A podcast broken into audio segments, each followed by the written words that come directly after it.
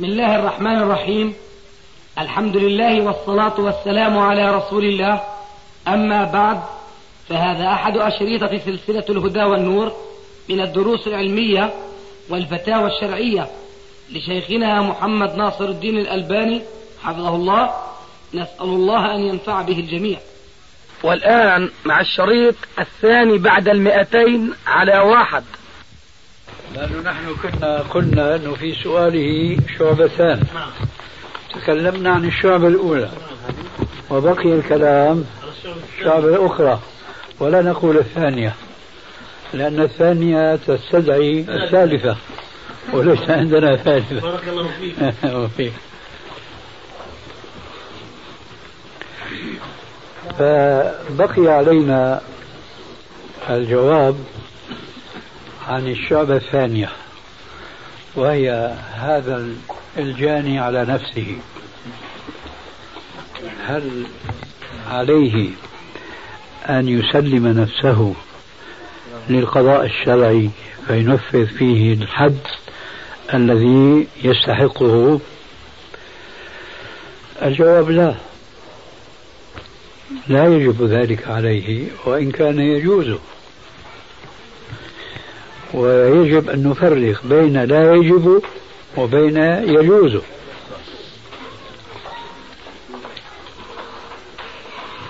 ذلك آه، مما يدل عليه مجموعة من النصوص.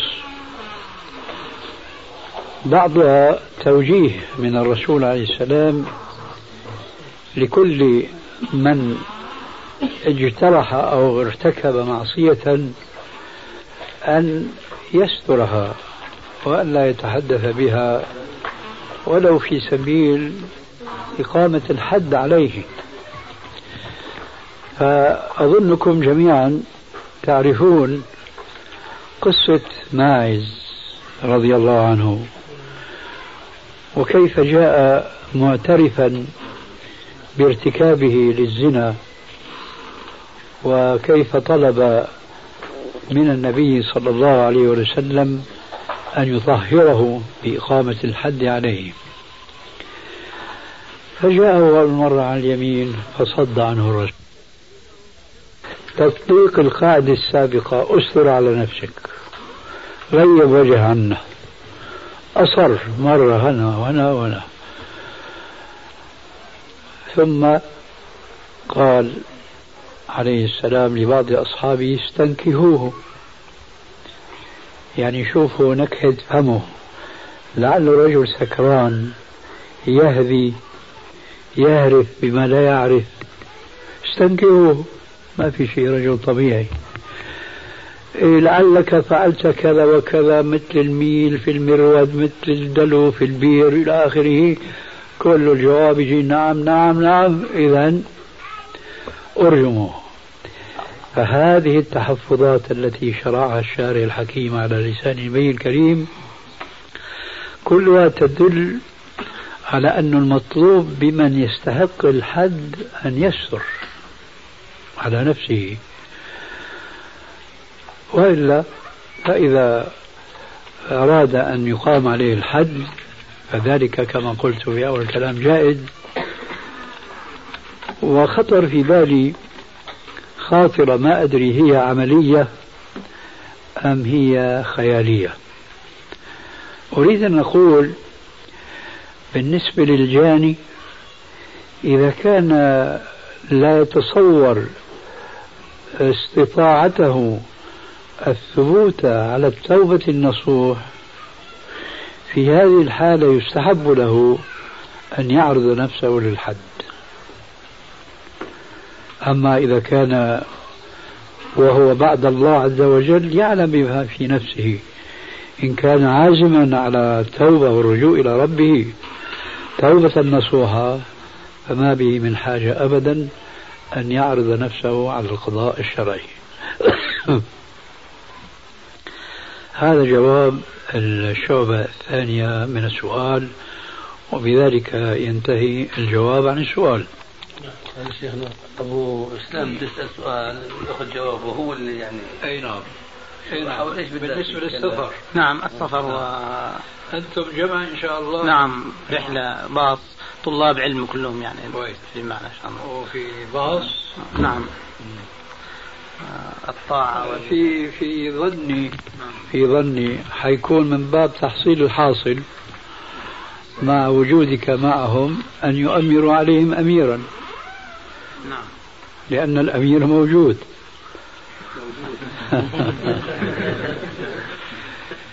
لكن الذي يحتاج إلى تنبيه في الحقيقة هو أن هذه الإمارة مؤقتة. أولا وثانيا لا يشترط فيها ما يشترط في الإمارة الكبرى والولاية العظمى. يعني لا ينبغي أن يؤخذ العهد والميثاق على المأمورين بأنهم يجب عليهم أن يطيعوا أميرهم في المنشط وإيش والمكره وفي إيش؟ آه لا ليس هذا بالشرط إلا في الولاية الكبرى. لكن هذا من باب تنظيم الرحلة وبخاصة إذا كانت إلى بيت الله الحرام فلا بد من تأمير أحدهم إذا لم يكن ثمة أمير.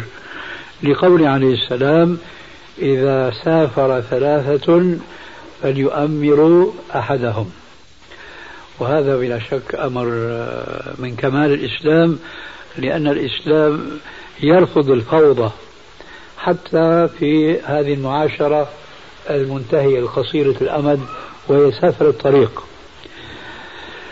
هذا أول ما ألفت النظر إليه أنه يجب أن يكون هناك أمير ينظم رحلتهم يأمرهم حيث يرى النزول بالنزول ويأمرهم بالانطلاق حيث يرى أن الانطلاق هو خير لهم وهكذا فهو منظم شؤونهم. فعليهم في حدود هذه المصلحة أن يتجاوبوا مع ذاك الأمير. ناحية أخرى تتعلق بشخص الأمير وإن كان هذا أيضا أرجو أن يكون من باب تحصيل الحاصل وهو أن يستشيرهم وأن لا ينفرد بالرأي عنهم ودونهم وإنما كما قال تعالى وكان أمرهم شورى بينهم وهو يستشيرهم ثم ينفذ ما انتهى إليه رأيه وعلى الآخرين إطاعته.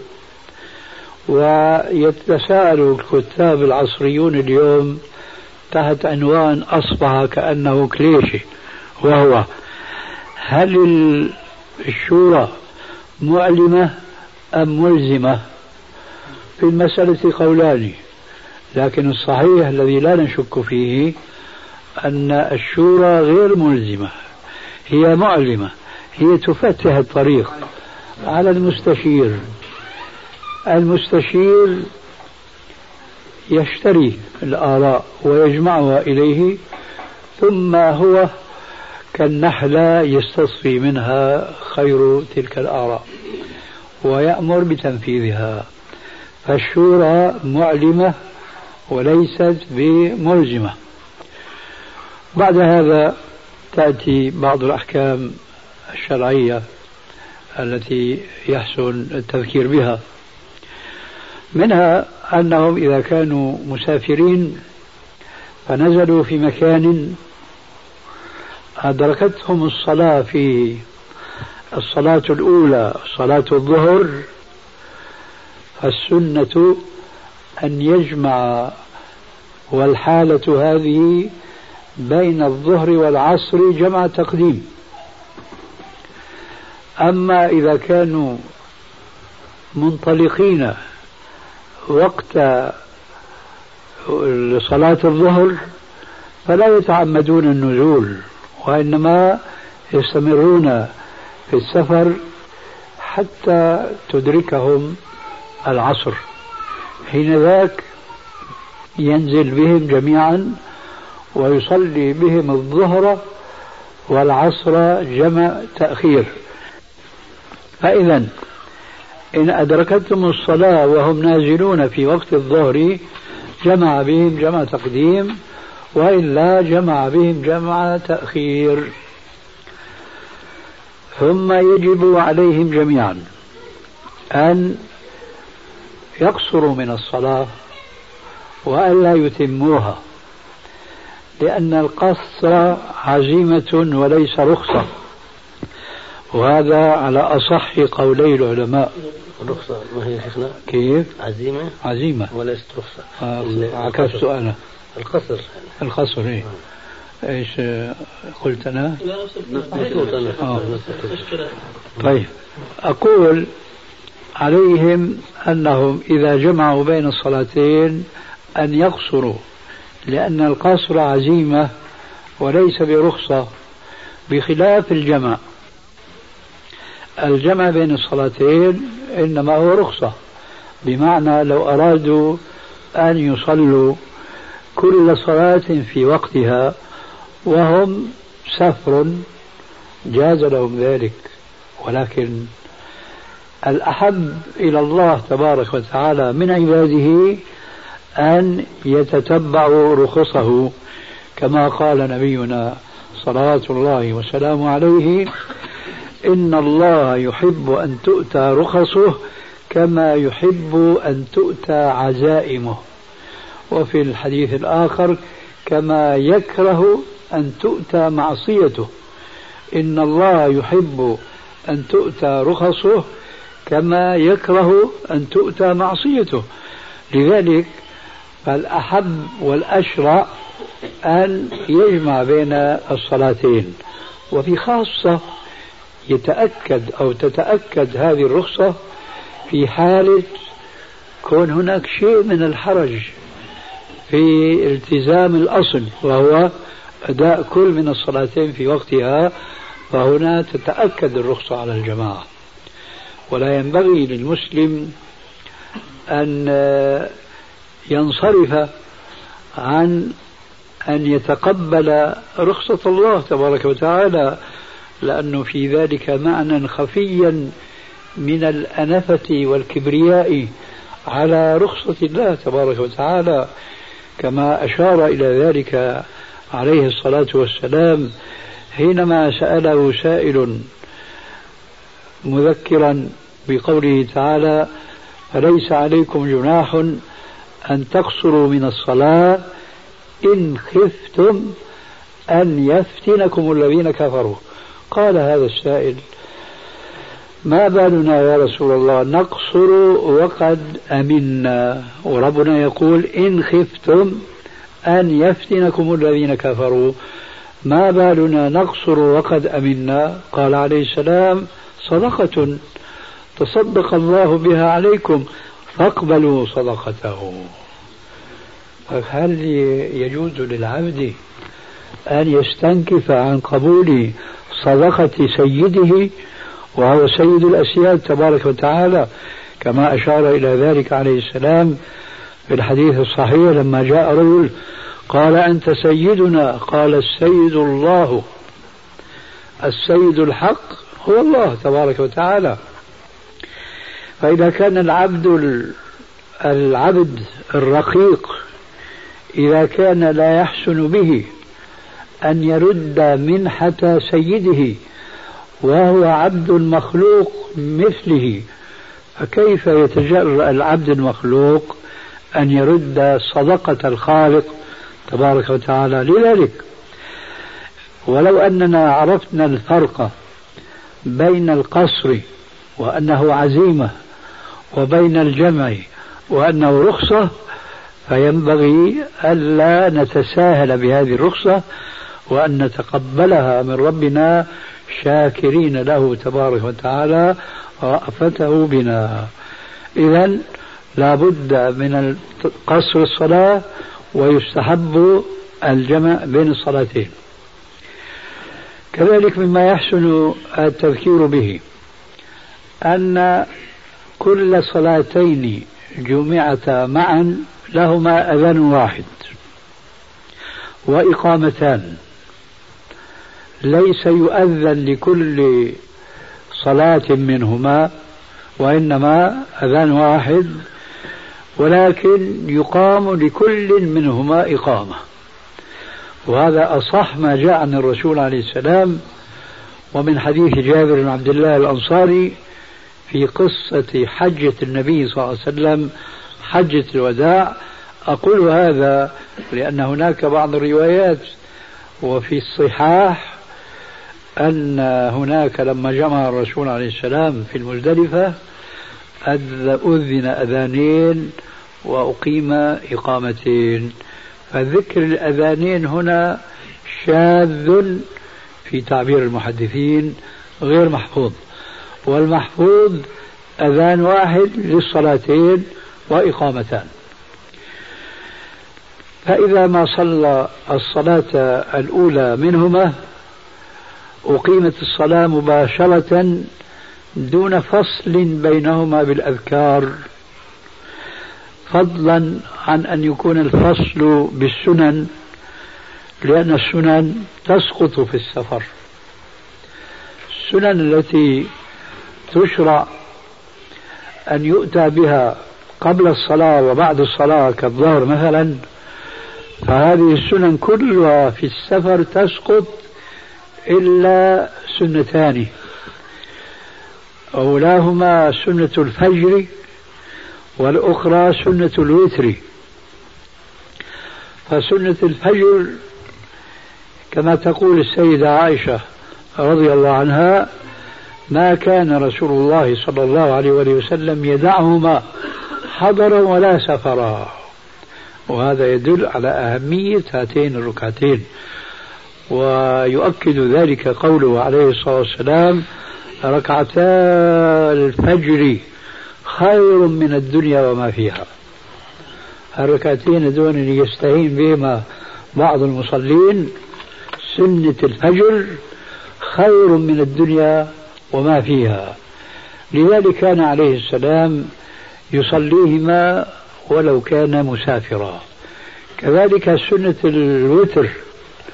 فكان عليه الصلاة والسلام يحافظ أيضا عليها حتى في السفر حتى وهو راكب على ناقته. ولم يتيسر له أن ينزل أن ينزل من دابته على الأرض ويصلي وهو راكب. فإذا إذا انتهوا من الصلاة الأولى وأقيم للصلاة الأخرى فلا فصل بينهما لا بالسنة ولا بالأذكار المعروفة بعد دور كل صلاة. فإذا أقاموا الإقامة الثانية للصلاة الأخرى وانتهت الصلاة هنا لا نجد في السنة ما يحول بيننا وبين الإتيان بالأذكار المعهودة المعروفة دور الصلوات في كل الأوقات. أما الفصل بين الفريضتين فلا فصل هذا معروف عندنا. فإذا ما وصلوا إلى آه، المدينة والسفر طبعا سيكون برا فهناك في المسجد النبوي لابد من التنبيه أن كثيرا من الناس يتقصدون إتيان قبر الرسول صلى الله عليه وسلم للسلام عليه. هذا القصد وإن كنا لا نمنع منه لذاته ولكنهم يشعروننا بأن هؤلاء الناس الذين يذهبون إلى قبر الرسول عليه السلام آه، يشعروننا بأن السلام على النبي صلى الله عليه وآله وسلم لا يصله إلا إذا كان المسلم قريبا من قبره. وهذا الإشعار باطل. لا فرق في سلام المسلم على النبي صلى الله عليه وسلم بين أن يكون بجانب قبره أو يكون في أقصى المشرق أو المغرب. لا فرق بين هذا وذاك إطلاقا من حيث من ناحيتين من حيث أن سلام هذا وهذا يصل الرسول عليه السلام بدون فرق ومن ناحية أخرى لا فرق بين الذي يسلم على النبي صلى الله عليه وسلم بجانب قبره وبين من يصلي عليه في المشرق أو المغرب من حيث أنه لا يسمعه. من حيث أن الرسول لا يسمع هذا السلام سواء كان بجانب القبر أو كان بعد المشرقين فالناس حينما يتقصدون الإتيان إلى القبر أنا أفهم جيدا أن هذه المعاني الشرعية أدمغتهم خاوية على عروشها. لم تتثقف بهذه الثقافة النبوية. ما الدليل على هذا الذي نقول؟ ألا وهو قول الرسول إن لله ملائكة سياحين يبلغوني عن أمتي السلام. إن لله ملائكة سياحين يبلغوني عن أمتي السلام. وقبل أن أصل إلى الهدف أو بعيد وصول الهدف أذكر قصة تأكيدا لهذا المعنى. فإذا دخلت داخل المسجد لا تأخذنه العواطف فيسارع للوصول إلى قبر الرسول. لكي يسلم عليه وينسى هذه المعاني الشرعية التي ذكرناها أولا ثم ينسى سنة الدخول بالرجل اليمنى إلى المسجد النبوي مسلما عليه حيث هو يدخله. الناس جل الناس ولا أقول كل الناس يؤخذون بالعواطف الجامحة التي لا حدود لها. يضيعون الواجب في تحصيل ما ليس فيه فائدة. يضيعون أمر الرسول لنا بأننا إذا دخلنا المسجد أن نقول بسم الله اللهم صل على محمد وسلم اللهم افتح لي أبواب رحمتك. كل هذه الأشياء لا تجدون لها هناك حسة إطلاقا. إنما يلا مثل البعران أو الجمال الشاردة. هجوم إلى قبر الرسول عليه السلام. يا جماعة ما في فرق بين صليت عند باب المسجد أو صلينا هنا؟ لا فرق أبدا. كل ذلك سواء بالنسبة للآية والمعجزة التي خص الله بها نبينا صلوات الله وسلامه عليه دون سائر الأنبياء والرسل في الحديث السابق. إن لله ملائكة سياحين يبلغوني عن أمتي السلام. إذا صدق من قال من أهل البيت ما أنت ومن في الأندلس إلا سواء.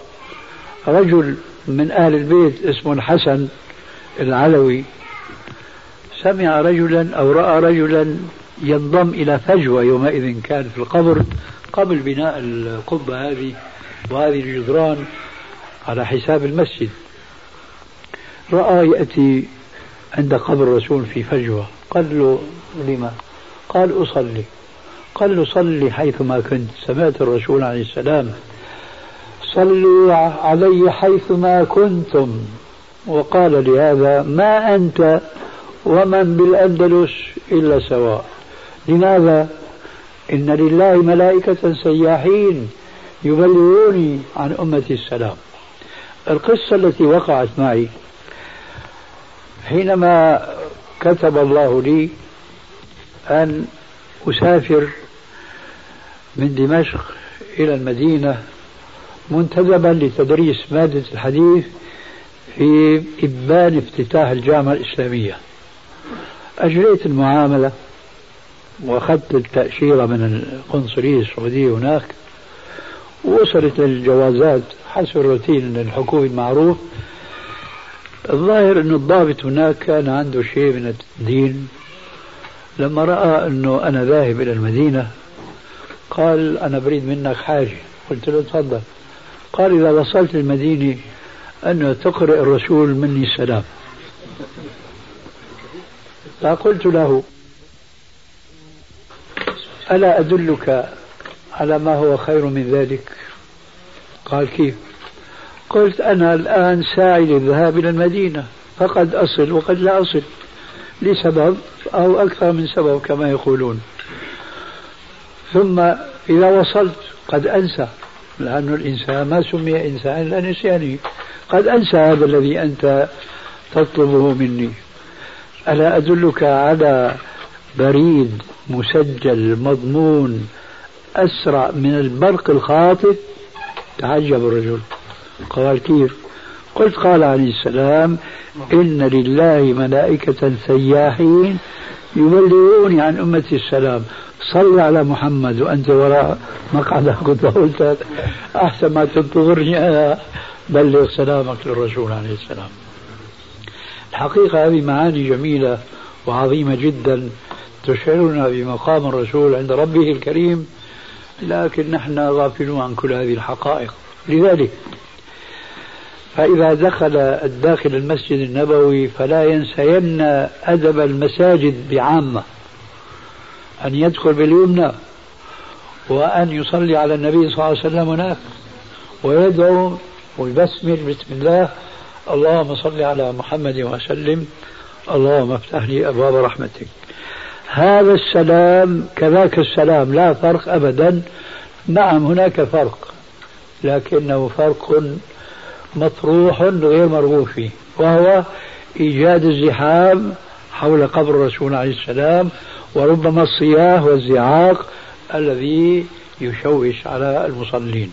لذلك فليكن كل منكم مستحضرا في نفسه هذه الآداب التي تعلمناها بواسطة نبينا صلى الله عليه وسلم الذي نتقصد الصلاة في مسجده لأن الصلاة في مسجده بألف صلاة مما سواه من المساجد إلى المسجد الحرام ولا نخالف هديه وسنته بأن نترك هذه التعاليم النبوية كلها وبس نصل للقبر ونصلي عليه وفقط إيه؟ نقتصر على هذا ربما يعمل اللمس والتبرك خاصة إذا كان النحاس هناك لميع يأخذ بالأبصار بس أبصار من؟ الجهلة طبعا المساكين. هذه ذكرى وذكرى تنفع المؤمنين. وإذا جاء دور الانطلاق من المدينة والإحرام من ميقاتها ذو الحليفة ومن الخطأ الشائع عند العامة تسمية هذا الميقات ببيار علي لأن هذه التسمية تتضمن خرافة ولا يجوز للمسلم أن يستعمل اسما أن يستعمل اسما يتضمن عقيدة خرافية وهي أن عليا رضي الله عنه ولا أقول كرم الله وجهه وأقول كرم الله وجهه. لا أقول وأقول أقول كرم الله وجهه وكرم الله وجه الخلفاء الراشدين كلهم والصحابة الأكرمين. ولكن لا أقول بمناسبة ذكر علي كرم الله وجهه لأن هذا اصطلاح شيعي.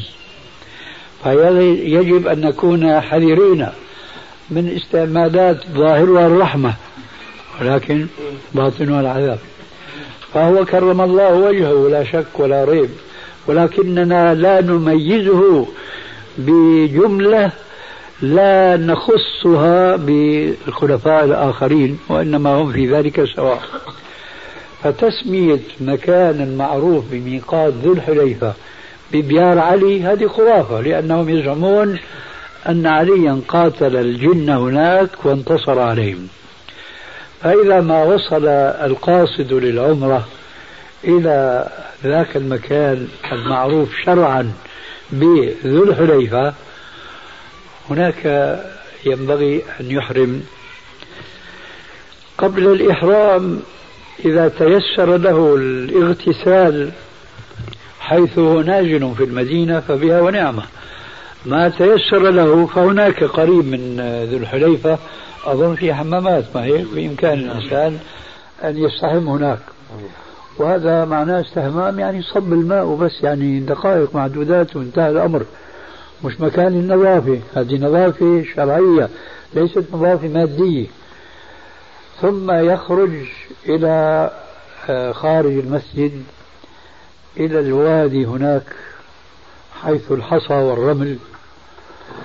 هناك لابد من أن يقرن وهذه فائدة هامة جدا يجهلها أكثر الحجاج والعمار وهي حينما يلبي بالعمرة ويقول لبيك اللهم بعمرة يجب وهذا من مصلحته الدينية والدنيوية معا يجب أن يقول اللهم محلي حيث حبستني.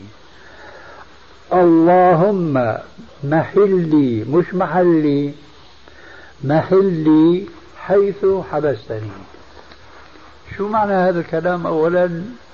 وما مغزاه وثمرته ثانيا؟ معناه اللهم محلي أي تحللي من عمرتي ومن إحرامي حيث حبستني بقضائك المبرم. الذي لا مجال لي لرده مثلا إنسان إنسان ضعيف خلق الإنسان ضعيفا. ممكن أن يعرض له مرض يفاجأ بمرض فلا يستطيع أن يتابع عمرته. ممكن لا سمح الله تتعطل سيارته آه، تنكسر إيده أو رجله. كل شيء هذا ممكن بحيث أنه لا يستطيع أن يتابع عمرته. إذا لم ينوي هذه النية إذا لم يقل اللهم محلي حيث حبستني هذا الذي نكل عن عمرته رغم أنفه عليه ذبيحه عليه هدي وعليه عمرة من قابل ولو كان اعتمر عشرات العمرات عليه وجوبا أن يعتمر بعد هذه الحادثة. أما إذا قال اللهم محلي حيث حبستني كأنه ما نوى العمرة وكأنه ما تحرك للعمرة لأنه دعا الله عز وجل واشترط على فضل الله هذا الشرط. أنا في العمرة إلى حيث حبستني. حبستني ومنعتني فأنا في حل. عليكم. السلام ورحمة الله وبركاته.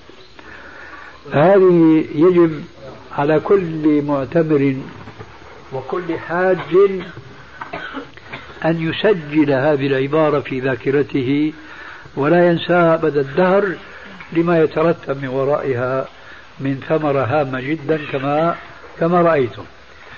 فإذا انطلق العمار بعد هذه التلبية لا يمشون إلا بعد أن يصلوا ركعتين. لكن يجب أن نعلم أن هاتين الركعتين ليستا ركعتي الإحرام وإنما هما لخصوص ذاك الميقات وفي ذاك المكان أي وادي العقيق الذي هو أسفل من المسجد. الإحرام ليس له صلاة. لكن الذي وقع من الرسول عليه السلام أنه أحرم بعد صلاة الظهر. فإذا تيسر الإنسان أن يصلي الظهر هناك في المسجد مع الجماعة أو ما تيسر له مع الجماعة لأنه مسافر فصلى الظهر وأحرم بالعمرة بعد الصلاة فهذا جيد. أما أن يتقصد صلاة ركعتين بنية سنة الإحرام فليس للإحرام سنة خاصة. لكن هناك في ذاك المكان في ذي الحليفة في وادي ذي الحليفة يشرع ركعتان لخصوص المكان وليس لخصوص الإحرام. حيث جاء في صحيح البخاري عن النبي صلى الله عليه وسلم أنه قال جاءني جبريل فقال إنك في الوادي في وادي مبارك وادي العقيق فصل ركعتين. فإذا هناك في ذي الحليفة بخاصة يسن أن يصلي ركعتين لأنه واد مبارك كما حدث به جبريل نبينا عليه الصلاة والسلام. بعد ذلك ينطلقون ملبين. والتلبية ذكر يختلف عن عامة الأذكار. ذلك لأن عامة الأذكار الأصل فيها الإخفات وعدم الجهر. أما التلبية في الحج والعمرة فعلى العكس من ذلك أن يرفع صوته ما استطاع إلى ذلك سبيلا. وقد أشار إلى ذلك نبينا عليه السلام بقوله لما سئل عن الحج عن أفضل الحج قال العج والثج. أفضل الحج العج والثج. العج هو رفع الصوت بالتلبية والثج هو ذبح الهدايا والضحايا هذا أفضل الحج تنفيذا من أصحاب النبي صلى الله عليه وسلم لهذه الكلمة العج قال جابر وقد روى لنا قصة حجة النبي صلى الله عليه وسلم فما وصلنا الروحاء إلا وقد بحت أصواتنا من رفعهم الأصوات بالتهليل والتكبير. بحت أصواتنا. هذا لا يشرع في غير التلبية. التلبية شعيرة من شعائر الحج فيجب الجهر والصدع بها. وأقول مستدركا على نفسي فضلا عن غيري حتى النساء. تقبضوا ما تقبضوا بكيفكم أما هذا حكم الشرع حتى النساء يشرع لهن أن يرفعن أصواتهن. لكني ألاحظ فليرفعن أصواتهن بحيث تضيع أصواتهن مع أصوات الرجال. ما ينفصلوا عن الرجال بعد يصير معنا مشكلة ثانية. مرة مرة رجال نعم مرة نساء مرة رجال. آه لا. وهذا بذكرني أيضا بشيء اعتاده الناس ولا أصل له. بيصيروا جوئين. جوئين. ناس مرة وناس مرة. لا. الأصل كل فرد من أفراد الملبين يلبي. فإن التقى صوتان فأكثر فلا بأس. أما أن تقصد الجوء يعني بصوت واحد هذا لا أصل له. شو بده إذا صح التعبير شو بده يجوقوا هذول في في في منى وفي عرفات وهذه الأماكن. هذا أمر مستحيل. إذا كل إنسان هو سجيته وطبيعته وفطرته. فإن التقى صوتان ما في مانع. لكن لا تتكلفن أن تمشي بصوتك مع صوت جارك. وإنما كل واحد لنفسه. ولا يشكل طبعا على مسلم أنه ربنا يترى بيسمع الأصوات المتداخلة بعضها في بعض وبيميز المخلص من المرائي. هذا طبعا ما في إشكال لأن الله عز وجل واسع عليم. إذا التلبية يجب أن تكون برفع الصوت في أكثر ما يستطيع الإنسان وحتى يصل إلى مكة ويرى مشارف مكة. فهناك يمسك عن التلبية. ولا ينسين أيضا إذا دخل المسجد الحرام أن يدخل هذا المسجد كما دخل المسجد النبوي. أيضا بسم الله اللهم صل على محمد وسلم.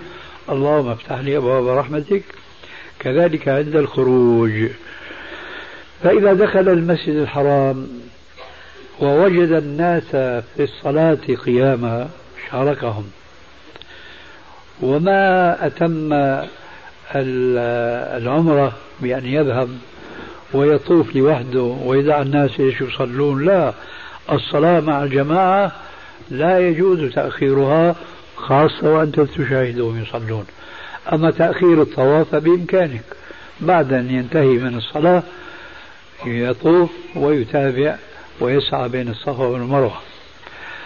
والذي ينبغي أيضا التذكير هنا بأنه إذا صعد الصفا وصعد المروة أيضا. كيفية الطواف شيخنا معلش الله يجزيك الخير. في مين يدلهم سيدي نحن بنذكر في أشياء أخرى. عشان تسجيل يعني. شيخنا. هذا شيء لا ينتهي.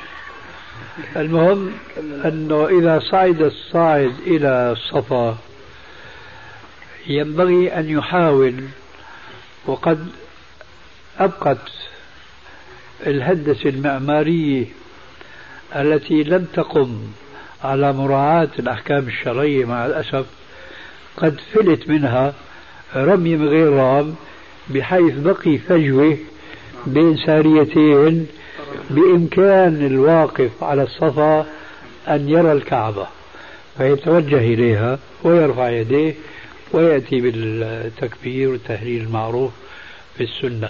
مع الأسف في المروة ما في مجال سد لكن يجتهد يقدر الكعبة هون ولا هون لهون ولا يفعل كما يفعل بعض الناس تراهم كأنهم شاردين يعني بيرفعوا إيديهم هيك للسماء بدل ما يستقبلوا الكعبة وهن في المروة بيستقبلوا إيش؟ الصفا.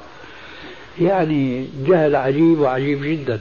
لينتبه الإنسان حينما يقف على المروة أن يستقبل الكعبة كما نجتهد نحن الآن هنا وبيننا وبين الكعبة ألوف الكيلومترات.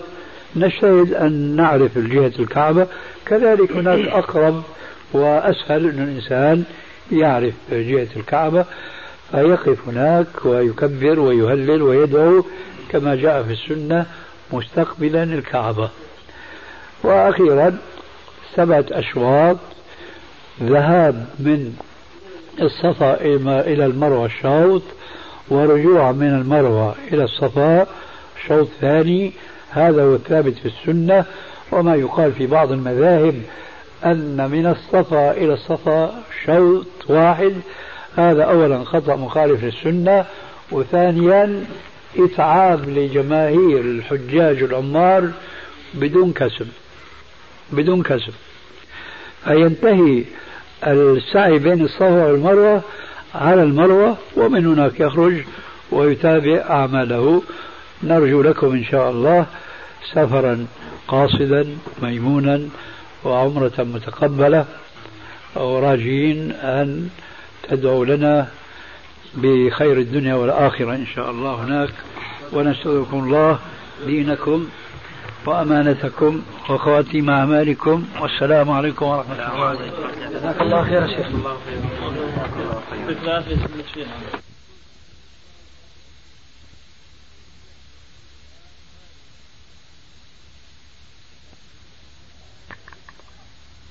بسم الله الرحمن الرحيم. من سلسلة الهدى والنور أجوبة على أسئلة عبر الهاتف. تفضل. بالنسبة للسؤال اللي سألتك فيه بالنسبة لل الكفالات المصرفية. إيه. آه، سألنا البنك بيقول نسبة 2% من قيمة الكفالة. كيف؟ من قيمة الكفالة. اي معناها غير ما قلنا لك. يعني معناها بياخذوا زيادة كل ما ارتفعت القيمة. أي نعم يعني 2% من المبلغ. إذا 10000 يبقى مثلا 2% وكذا. 20000 يبقى بتضرب 20000 في 2 على 100 يعني بترتفع القيمة مع ارتفاع المبلغ. الحكم ده الآن. لا ما بيجوز هذا. ما بيجوز. لا. بارك الله فيك. وفيك. جزاك الله كل خير. أهلين تفضل صلي في محله نعم. السلام عليكم. وعليكم السلام ورحمة الله. كيف حال شيخنا؟ الحمد لله بخير. في سؤالين إن شاء الله. بعد تفضل. بارك الله فيك. السؤال الاولاني يا سيدي. نعم. ثلاث أيام البيض من كل شهر. آه. ثالث يوم صادف يوم السبت. لا يصام. لا يصام. لا. السؤال الثاني يا سيدي. نعم. بالنسبة لإخواننا في الضفة الغربية آه. عند الجسر هناك اليهود يأمر الرجال أن يخلعوا ملابسهم حتى يفتشوهم. إيه. واليهوديات يأمرن النساء أن يخلعن ملابسهن حتى يفتشوهن. إيه. هل يجوز للكفار والكافرات أن يروا آه، عورة المسلمين؟ لا ما بيجوز. وبالنسبة لأخواننا يا سيدي بيقولوا مضطرين. هل يجوز لهم ذلك؟ لا ما في اضطرار. نعم؟ ما في اضطرار. ما في. لا. بارك الله فيك. أهلين السلام عليكم. عليكم السلام ورحمة الله وبركاته.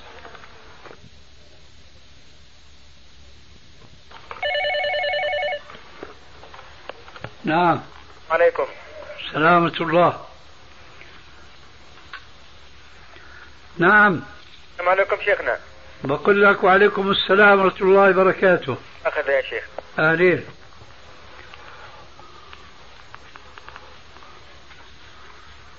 ها وين راح صوتك؟ آه وين راح صوتك؟ هو صوتي؟ عم يريح عم يروح عم يضيع آسف. أحد الإخوان كان يعمل مصورا. ثم علم أن التصوير حرام. والحمد لله. الحمد لله. فأغلق الم- المحل يعني. والآن. يسأل. آه. هذا المحل الدخل السابق وضع فيه منجور مثلا آه، بلاط آه، حاجات أخرى مثلا كنبيات. يعني اشترى أشياء كثيرة الدخل السابق. أيوه. يسأل الآن بالنسبة لهذه المشتريات السابقة. يعني ماذا يفعل بها؟ يعني الفلوس اللي اشترى فيها من الدخل السابق. من منجور من غيره. ماذا يفعل به؟ الله يكون بعونه آمين يا رب. هذه مشكلة مشاكل نعم شيخ. اللي قضى حياته. في المكسب الحرام. نعم. شلون بده يخلص حاله نعم. بده بقى يصفي. إذا كان عنده مكسب حرام وحلال لازم يقدر قديش المكسب الحلال يحتفظ فيه. وقديش المكسب الحرام يعطي فيه للفقراء. يعني وإذا كان مكسبه حرام كله الله يعينه. لازم يخرج من ماله كله. لحتى يستأنف حياة جديدة. ملؤها الكسب الحلال. غير هيك ما في جواب. جزاك الخير. الله يحفظك. الآخر شيخنا بسؤال بسيط. بالنسبة لأهل الكتاب اليوم هل يجوز اتباع جنائزهم؟ مثل قبل اليوم بجوز. نعم هو إحنا معلوم انه لا يجوز لكن أحد الإخوان قرأ في كتاب عبد الرحمن عبد الخالق بيقول يجوز اتباع جنائزهم. أه، بيسأل هو هل يجوز يعني هل هذا الكلام صحيح أو مش صحيح؟ فقلت له أنا إن شاء الله ليلة راح أتحدث مع الشيخ أسأل الشيخ فاسألك إياه. أنا استجدت شيء جديد ما أعلم. أنا جاوبتك. بس جاوبتك بطريقة حبيت أرمي عصفورين بحجر واحد. نعم. بس بيظهر ما طلع بإيدي أرمي ولا عصفور واحد. قلت لك في الجواب مثل غير اليوم.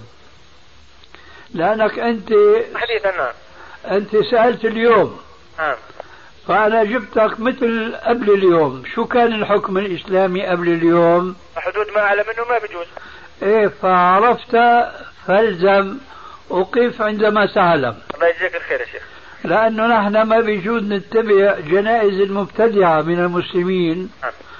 فضلا أنه نتبع جنائز الكافرين. نعم. لكن هي السياسة هيك بتعمل بأصحابها. تحملهم على أن يغيروا أحكام الشريعة. لا حول ولا قوة إلا بالله. والله المستعان. يجزاك الخير يا شيخ. الله يحفظك. السلام عليكم ورحمة الله وبركاته. عليكم السلام ورحمة الله وبركاته. نعم. السلام عليكم ورحمة الله وبركاته. وعليكم السلام ورحمة الله وبركاته ومغفرته. مالك يا شيخنا؟ أحمد الله إليك. الله يمسيك بالخير. كيف أنت؟ الحمد لله مشتاق لك يا شيخنا الله يحفظك الله يبارك فيك يا شيخنا أهلين وسهلين أنا بودي سبحان الله أن تكون مع إخواننا في الجمعة التي سبقت ونحن قدمنا عذرنا والعذر عند كرام الناس مقبول بارك الله فيك يا شيخنا كنا طمعانين برؤياكم يا شيخنا إيه الله يطمعك في الخير دائما إن شاء الله جزاك الله خير الله يحفظك. أهلين شهرين تقريبا أو ثلاث تفضل رحمه الله نوى عن تصدق الصدقة عن الميت. لكن إذا تصدق عن الميت على من يقرأ القرآن أو غيرهم ينفعهم ينفعه ذلك باتفاق المسلمين. وكذلك من قرأ القرآن محتسبا وأهداه إلى الميت نفع نفعه ذلك. والله أعلم. ما رأيك شيخنا في هذه العبارة؟ مين قال هيك نعم. نعم شيخنا.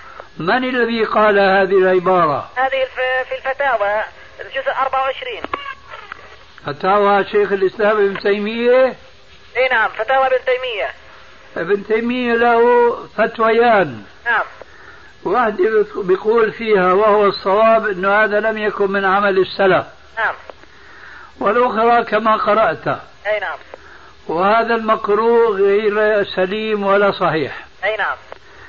لا لأن الله يقول وأن ليس للإنسان إلا ما سعى. إي نعم. وهذا نص قرآني معصوم. أي نعم. وعام شامل. نعم. فلا يخرج منه إلا ما جاء الدليل القاطع باستثنائه منه. نعم. ولم يأتي الدليل إلا في مواطن معدودة ومحصورة. وأنا كنت تعرضت لهذه المسألة بشيء من التفصيل والبيان في كتاب أحكام الجنائز وبدعها. نعم.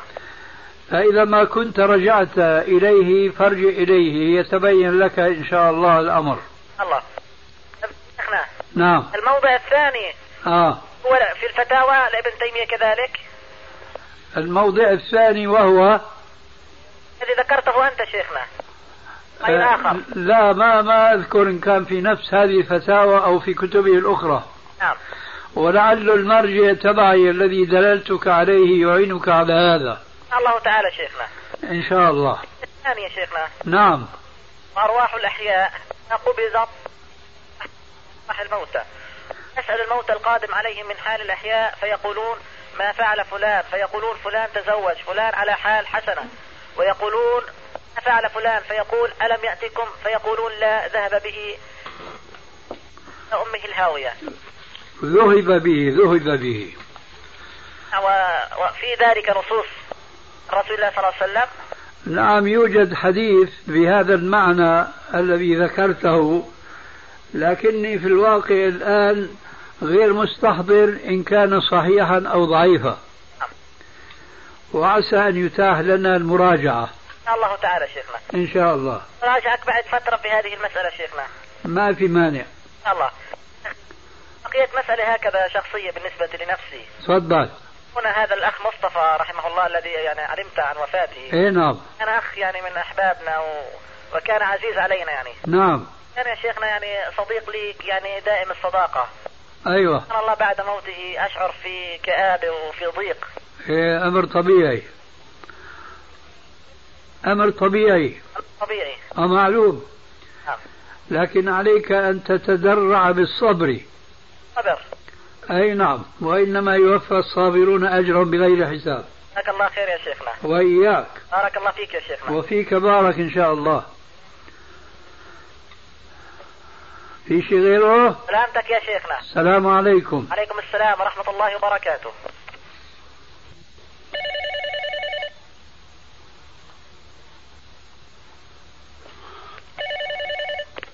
الرابطة مقترحة نعم. ألو. ألو السلام عليكم. عليكم السلام ورحمة الله. الله يعطيك العافية يا سيدي. عافاك الله. والله هون في سؤال بدي أسألك يا سيدي لو سمحت. تفضلي. في كتاب عندي هون أنا كتاب دين. إيه. يا سيدي الأذكار. الأذكار للإمام النووي. آه، محي الدين أبي أبي زكريا أبو زكريا يحيى بن شرف بن شرف النووي. هو هو إيه. نعم. يا سيدي هون في بالنسبة للأسامي. آه. بقول لك آه، إنه يعني هذا آه، لا تسمين غلامك ياسرا ولا رباحا ولا نجاحا ولا فلاحا. أي نعم. يا سيدي زي هذا صحيح يعني؟ أي نعم هذا صحيح أكيد. أسأل حضرتك. أكيد هذا صحيح. يعني بالنسبة للأسماء. أي نعم هذه أسماء نهى الرسول عن التسمي بها. يعني اسم فلاح مثلا؟ أي نعم. واسم نجاح؟ نجاح ويسار ونحو ذلك. طب أنا اسمي نجاح. في غيره؟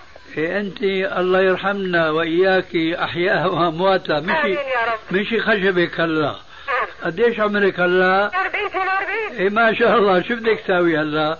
بس, بس هلا أنت خذي انتباه لأولادك لأحفادك. الحمد لله أولادي سميهم محمد, وعبد الله ووليد. و... إيه أحسنتي. فإذا أنت هلا كان آه الحمد أنت- لله.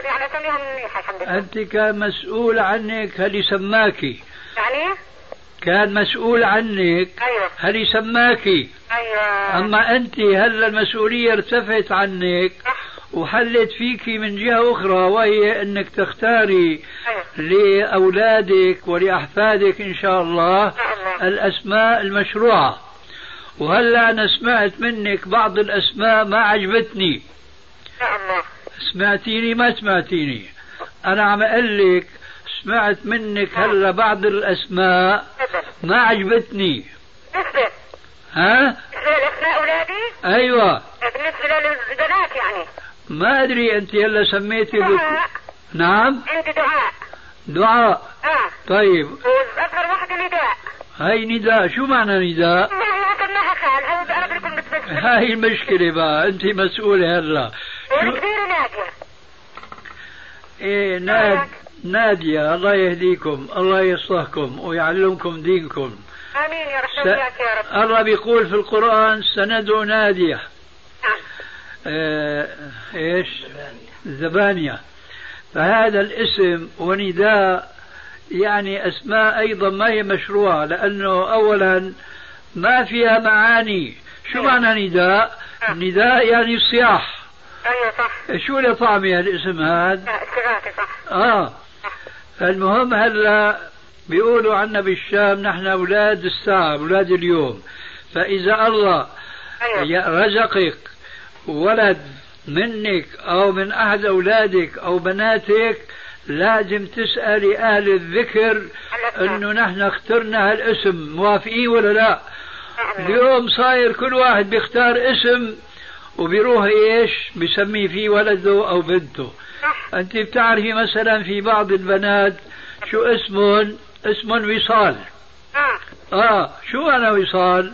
أعوذ بالله. صح آه. وشي اسمه سهام. ولو كان سهم واحد بكفي. فما بالك اللي بتسمى سهام؟ هذا ما بيجوز في والله وهلي وهلي وخذي ما شئت من أسماء هلي. هلي بي... هذا ما بيجوز وهذه ذكرى وذكرى تنفع المسلمين. والسلام عليك. سيدي معلش دقيقة دقيقة من فضلك الله يسعدك بالنسبة للطلاق للاسم بيد الزوجة. العصمة بيد الزوجة هذا خطأ. هذا خطأ. يعني؟ خطأ مو جائز. ابدا. الرسول عليه السلام كان يقول أيوه. إنما الطلاق بيد من أخذ بالساق. تفهمين هذا الحديث ولا أشرح لك إياه؟ والله يعني إذا كان شرحت لي إياه بكون جزاك الله خير. يعني إنما الطلاق بيد الرجل. بيد الرجل الذي يأخذ بساق المرأة. آه. عرفتي؟ عليك. فما بيجوز المرأة تطلق الرجل ولو كانوا متفقين من قبل. آه إحنا بنسمع هيك ومش إيه أكيد. أنت بتسمعي هيك وأنا قرأت قرأت في مجلة في جريدة المسلمون اللي حتى آخر عدد. أيوه. أنه بعض مشايخ الأزهر أفتوا بهذه الفتوى هذا خطأ. خطأ خلاف الحديث تفضل إنما الطلاق بيد من أخذ بالساق. أما الطلاق؟ إنما إنما. طلاق من أخذ بالساق. إنما إنما الطلاق بي بيدي بيد من أخذ بالساق. من أخذ بالساق. صدقت معلش لحظة يا سيدي من وقتها من وقتك والله لحظة. كمان لحظة بكفي. يا سيدي قراءة السورة آه، في الفاتحة سورة صغيرة بعد صلاة الفاتحة إيه. فرض ولا سنة؟ سنة سنة يعني تقرأ سورة صغيرة بعد ال اي نعم واذا طولتيها معلش إيه. نعم. المهم القراءة بعد الفاتحة سنة مو فرض السنة معلش يعني الواحد لو مثلا ترك الفرض آه، بعد صلاة الظهر ال- سنة الظهر لو أنا قرأت فيها مثلا آه، غير أي سورة من القرآن جائز؟ قرأتي ولا لو ما قرأتي بتقولي؟ لا بقول لو قرأنا مثلا يعني جائز؟ ما أنا عم أقول لك. تفضل. عم أقول لك القراءة بعد الفاتحة سنة.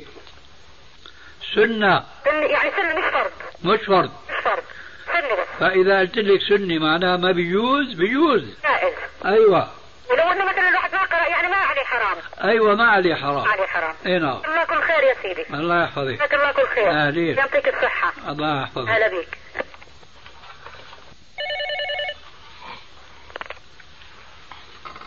نعم. السلام عليكم. عليكم السلام.